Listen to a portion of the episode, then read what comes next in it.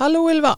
Det her er Les litt, Levanger bibliotek sin podkast. I denne episoden skal vi snakke om noe som veldig mange ber om tips om sånn rundt den tida her, og det er sommerbøker. Og da er det ikke snakk om bøker som handler om sommeren, eller nødvendigvis om uh, late dager på stranda, men kanskje som man kan uh, lese om sommeren. Det er mange som ønsker seg noe litt lettere bøker, som ikke er trist og ikke er så tung, og kanskje ikke for tjukk da, hvis en skal ha den med seg på stranda. Og så er det, det er mange som ikke leser noe resten av året, som ikke har tida eller leser mye faglitteratur, så de ønsker seg noe trivelige skjønnlitterære bøker eller spennende skjønnlitterære bøker om sommeren. Så i dag har vi ja, Litt annet. Litt annet, ja. Så vi har med oss eh, noen bøker hver som vi tenkte å anbefale. Det har vi. Skal du begynne? Jeg kan begynne. Jeg har med ei eh, bok som heter det, det står På tittelen så står det 'Kjærlighetsprosjektet', men eh, KJ er satt i parentes. Så det er Ærlighetsprosjektet. Eh, det handler om en mann som er gått opp i årene, og så begynner han å være lei av at han, å skjule at han er ensom. Så da skriver han sannheter om livet sitt i ei notatbok, som han legger igjen i den lokale kafeen. Og dette da inspirerer kaféeieren Monica til å skrive sin egen historie.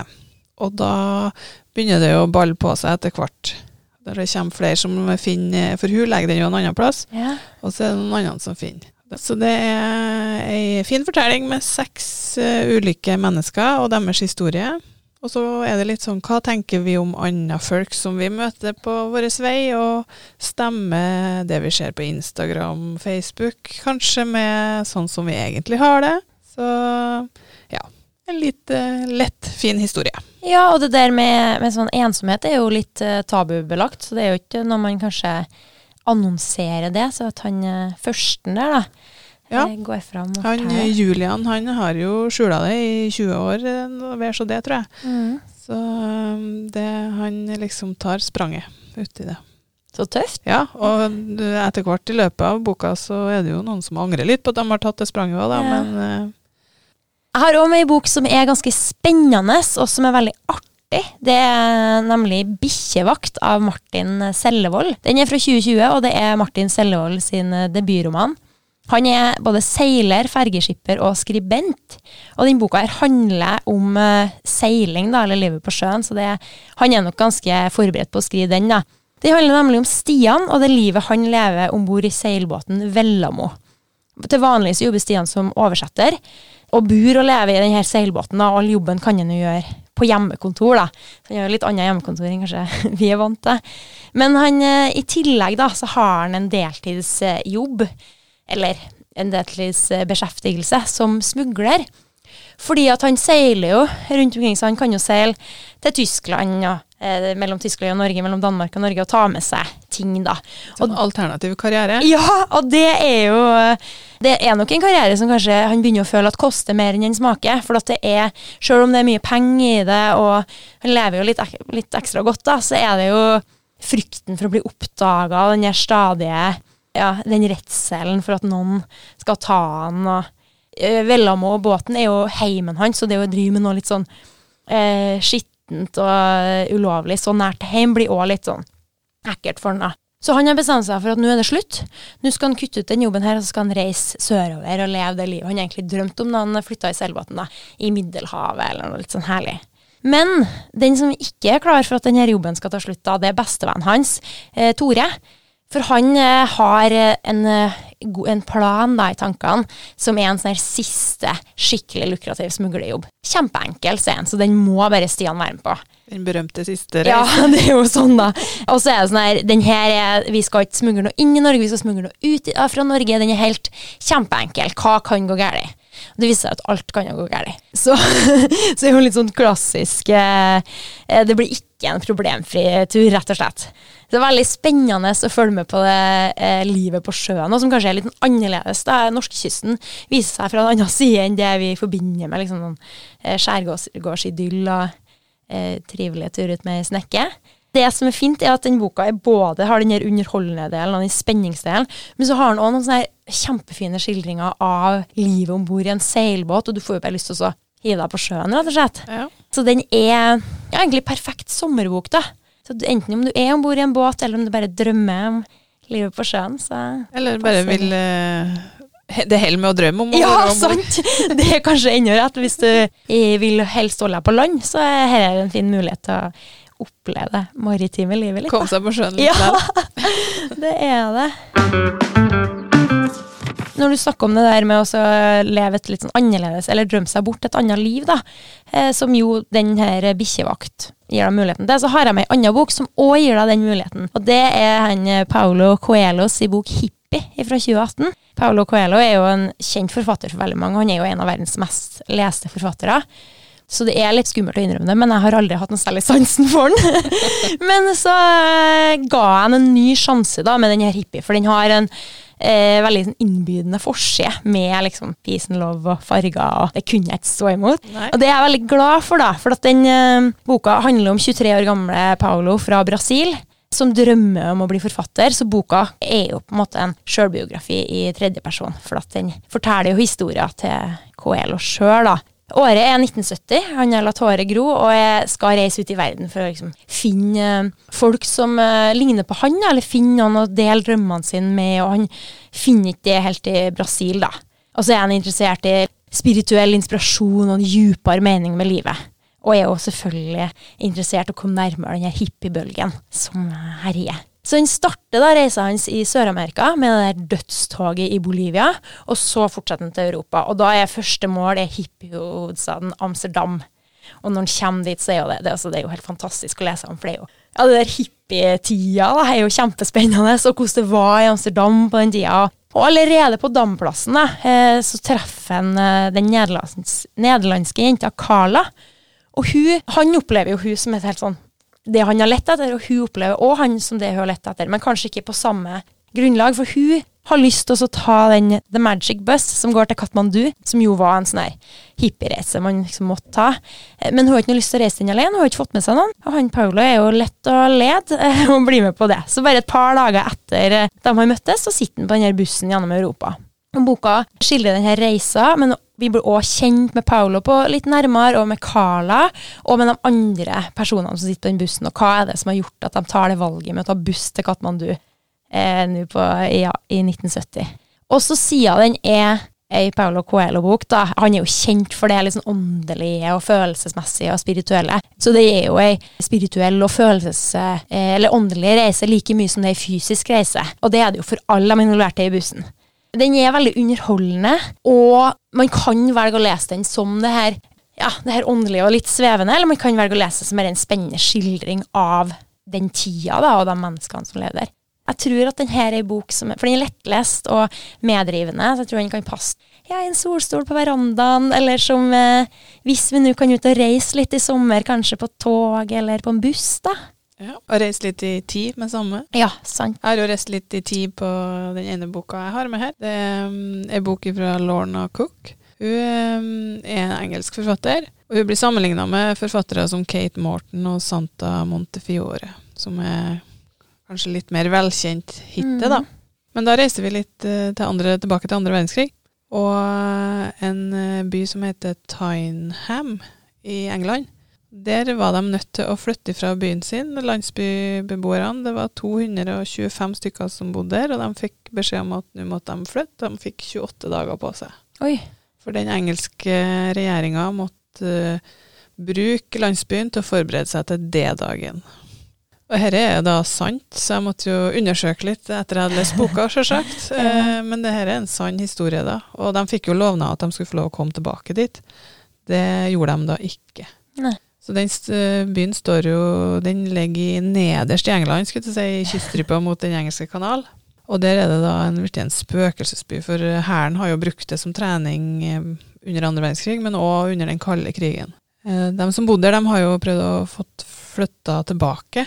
Eh, Det har de ikke gjort, men de har eh, fått eh, bygd opp tre bygninger og fått åpna sånn at det er åpent lite grann, så du kan komme inn og se.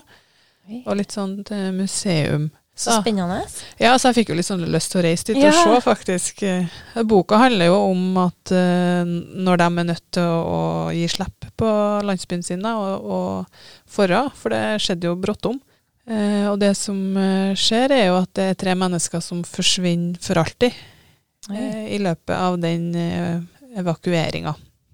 Så kommer det ei fra nåtiden, ei Melissa, som er på ferie i Dorset, som er der Tyneham ligger, da. Og hun finner et gammelt eh, bilde av ei dame som levde i Tyneham, og hun bestemmer seg for å finne ut mer om hun. Eh, og da ruller det jo seg opp en eh, litt eh, grusom hemmelighet etter hvert. Så, Høres veldig spennende ut, da. Ja, og så ble han jo litt sånn interessert i alt rundt. Ja. Han leste boka. Så det er ei sånn fin bok på stranda, tenker jeg. Ja. Jeg har jo aldri hørt om men det her er det ikke sikkert at det er så mange som har hørt om. Nei, jeg hadde aldri hørt om jeg heller, så som sagt så måtte jeg jo undersøke litt. Uh, men uh, ja, det er mulig å dra dit, og det er åpent noen i løpet, det er noen fortsatt hæren som eier, tror jeg, men at ja. du kan besøke det litt, sånn som jeg har skjønt det. Nå er ikke sikkert jeg er helt uh, oppdatert, da. Nei, men du skal jo ikke være en reiseguide, så vi får nå bare si det vi tror. ja, vi, vi, tror det. sånn. Mm. Jeg har jo òg en bok eh, hvor eh, vi reiser litt i tid, og den foregår òg på et sted hvor jeg fikk lyst til å reise til. Eh, så tenkte jeg kunne ta den nå. Og det er Base Rock av Evie Wild. Og den kom nå på norsk i 2021, så den er jo ganske ny. Og den her The Base Rock da, er ei klippeøy som stikker, ut, stikker opp av havet utafor Skottlands østkyst. Og i skyggen av denne Base Rock så følger vi livet til tre kvinner gjennom flere århundrer. Det første er tidlig på 1700-tallet. Da er det ei som heter Sarah, som må flykte for livet når hun beskyldes for heks. Og så er det Ruth, som flytter inn i herskapshuset som ligger ved klippen rett etter andre verdenskrig så litt samme tid som den forrige boka. Og hun sliter veldig med å finne seg til rette i lokalmiljøet og med å godta for en ektemann som reiser veldig mye i jobben. Hun sliter, hun tar seg av de to sønnene eh, hans. Så det, det, er tøft, da, livet hennes, eh, syns jeg. Og så er vi tilbake eller vi er i nutida òg. Da står huset tomt, og det er Vivien da, som skal gjøre det klart for salg. Og uh, huset har vært faren hennes sitt, men han er død, og så er det bestemora hennes da, som har bodd der fram til nå. Så det er, eh, det er, jo mange lag i dette baserock, men det som hele tida bringer det eh, i lag, er at alt foregår i den samme landsbyen, og du har den der klippen som henger som en sånn skygge over alt det som foregår. Og så kommer det jo òg fram at uh, den slekta som hun Vivien graver seg litt ned i, da slektshistoria som hun finner mer av når hun driver og rydder det huset, kanskje henger sammen med noen av de tidligere historiene. Så det er ei veldig spennende og ganske fin bok da, om de her tre kvinnelivene. Men så er det òg en veldig mørk bok, for den handler om hvordan de her livene til kvinnene formes og holdes i sjakk av mennene rundt dem, som jo er vanlig i spesielt de to første årene, eller årene det er snakk om, men så er det jo òg dessverre vanlig ennå i dag, da. Eh, så den har, den har, flere lag, den boka her. Den har det geografiske og de naturskildringene. Jeg, elsker jo Skottland og den skotske kystnaturen, så det å få lov til å drømme seg bort dit og lese om hvordan det ser ut der, syns jeg er helt fantastisk. Men så er det òg det der historiske, hvor vi lærer om livet i Skottland i flere perioder. Vi lærer om hvordan kvinnene hadde det i flere perioder. Eh, men så er det òg det her, eh, det siste, som er litt sånn nesten sånn feministiske grep, da, som jeg òg Jeg liker jo alle de tre lagene her, men hvor man nesten kan bli litt sånn sint og frustrert over hvordan de her kvinnene har det. Og jeg tenker man kan jo velge å lese denne boka som er nesten litt sånn trivelig bok om de her historiene, eller man kan gå dypere ned i de ulike lagene om man vil. Mm. Så det er ei bok som både gir deg det her litt sånn eh, lettleste og ikke så tunge, da, tunge tema, hvis man ønsker seg det, men så kan man òg, da, som jeg kanskje gjorde, bli helt sånn merivig og nesten litt sint av den. så det er avhengig av leseren veldig. Eh, så den likte jeg. Den likte du godt? Ja, den likte jeg godt. Det er jo mye flinke britiske forfattere. Jeg har jo, jeg holder jo på med ei nå, så den tenkte jeg skulle snakke bare litt om. Men jeg kan jo ikke si så veldig mye, for jeg har jo ikke kommet så langt. Det er, det er et pseudonym hun har. Hun heter Lucy Diamond. Uh, hun har, heter egentlig Sue Mongredian. Hun starta jo med å skrive barnebøker. Ah, ja. Så hun har skrevet en serie som heter Regnbueøya. Den er jo veldig populær for uh, ungene på småtrinn. Og da skrev hun under et uh, navn som heter Daisy Meadows, da. Så det er kanskje noen som har hørt om hun.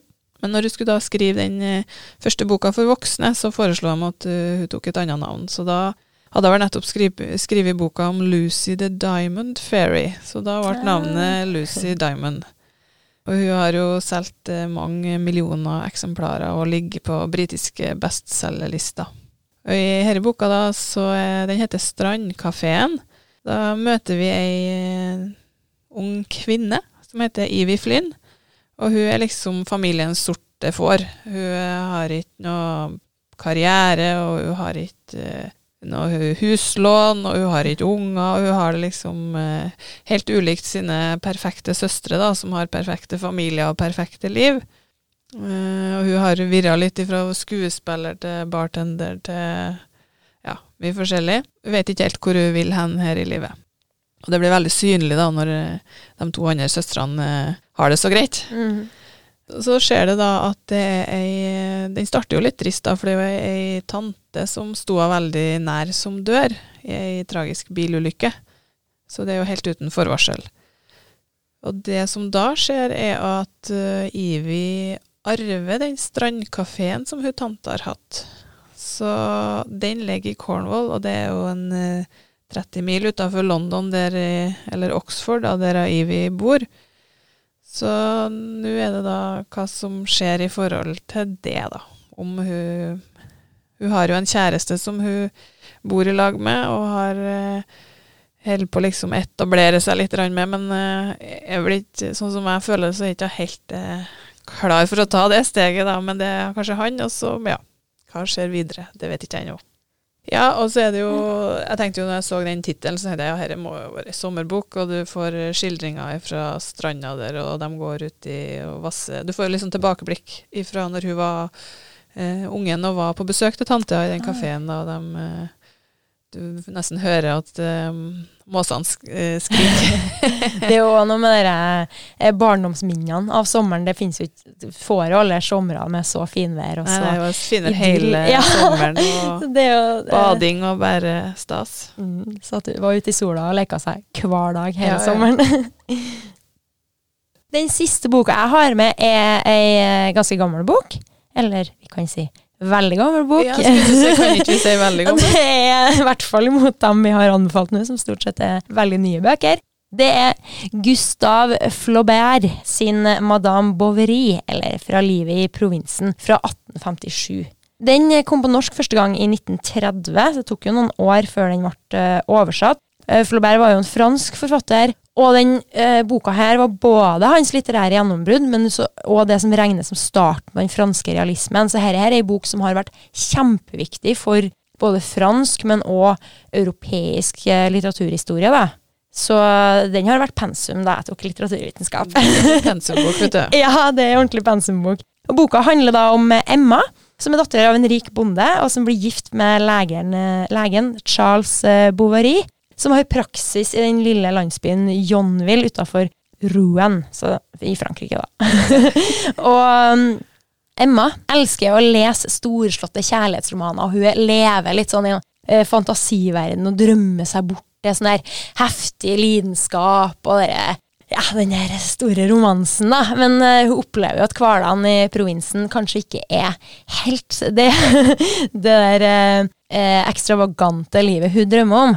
Så hun eh, opplever ganske mye skuffelse, da, for når du legger lista høyt og drømmer bort, så kan jo hverdagen bli litt grå. Og den her hangen hun har til disse romantiske drømmene, fører etter hvert eh, ut i utroskap, for han eh, Charles møter ikke de forventningene hun har. Han er en travel lege. Han har ikke de her samme drømmene om romanse, der, rett og slett. Og det fører òg etter hvert til en tragedie, det her, da. Og Flaubert beskriver denne romanen som en historie om ingenting, men uh, den boka her har jo likevel blitt en utrolig viktig bok, uh, som jeg sa i stad, både i Frankrike og i verden, og den føles like aktuell i dag som den eh, sikkert jo for 150 år siden, da, for det er noe med det der med ja, de der forventningene som du har, og det her liksom, er gresset grønnere enn annen plass, og man kan jo oppleve når man leser romaner om sånn, herlighet, enn om livet har vært sånn, eller om man ser sånn her, den lidenskapen i kjærlighetsfilmer, for hverdagen er jo ikke sånn. Det er jo ikke sånn at man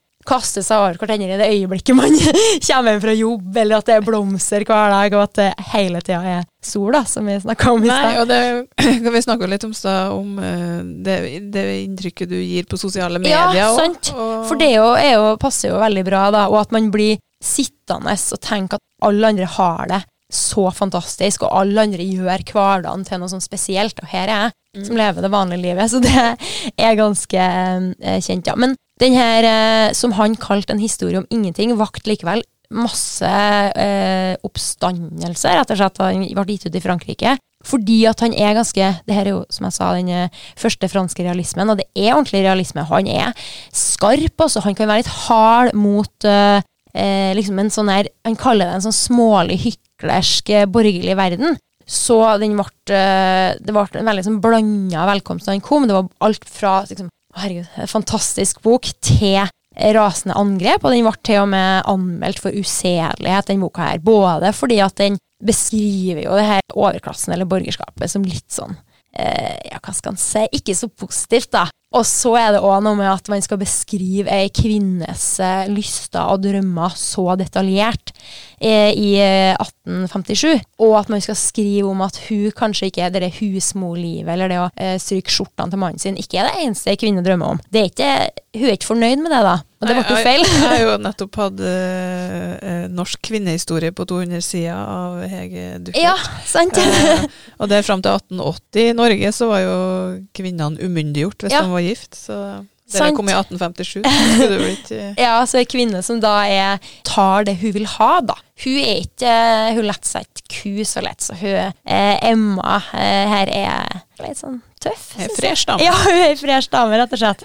Så den har vi både på biblioteket, både i litt sånn eh, eldre utgave, og så kom det en ny oversettelse nå fra et par, for et par år siden, mener jeg. Så den eh, kan en finne både i sånn ny og gammel drakt, da. Ja, ja, men Det hørtes eh, interessant ut, med en klassiker. Mm. Altså Helt på tampen da, så har jeg med ei, eh, ei diktbok. Den er veldig lita og nett, da. Og framsida oser jo sommer, med fullt av markblomster og kjempefin. Ja, så eh, den heter Ren sommer, og den inneholder eh, dikt og kortprosa og utdrag fra skjønnlitterære tekster. Eh, og her er det som er artig med sommeren, da, og det vakre med sommeren, og dikt om sol og saltvann og ja, alt som hører med, egentlig. Framsida så står det jo 'spis is til middag av og til'. Det Så dere er kanskje med, om å finne litt det, det magiske med hverdagen, da, som Ja. Emma sleit med. Det kan være. Og så kanskje litt sånn før i sommeren å glede seg Ja.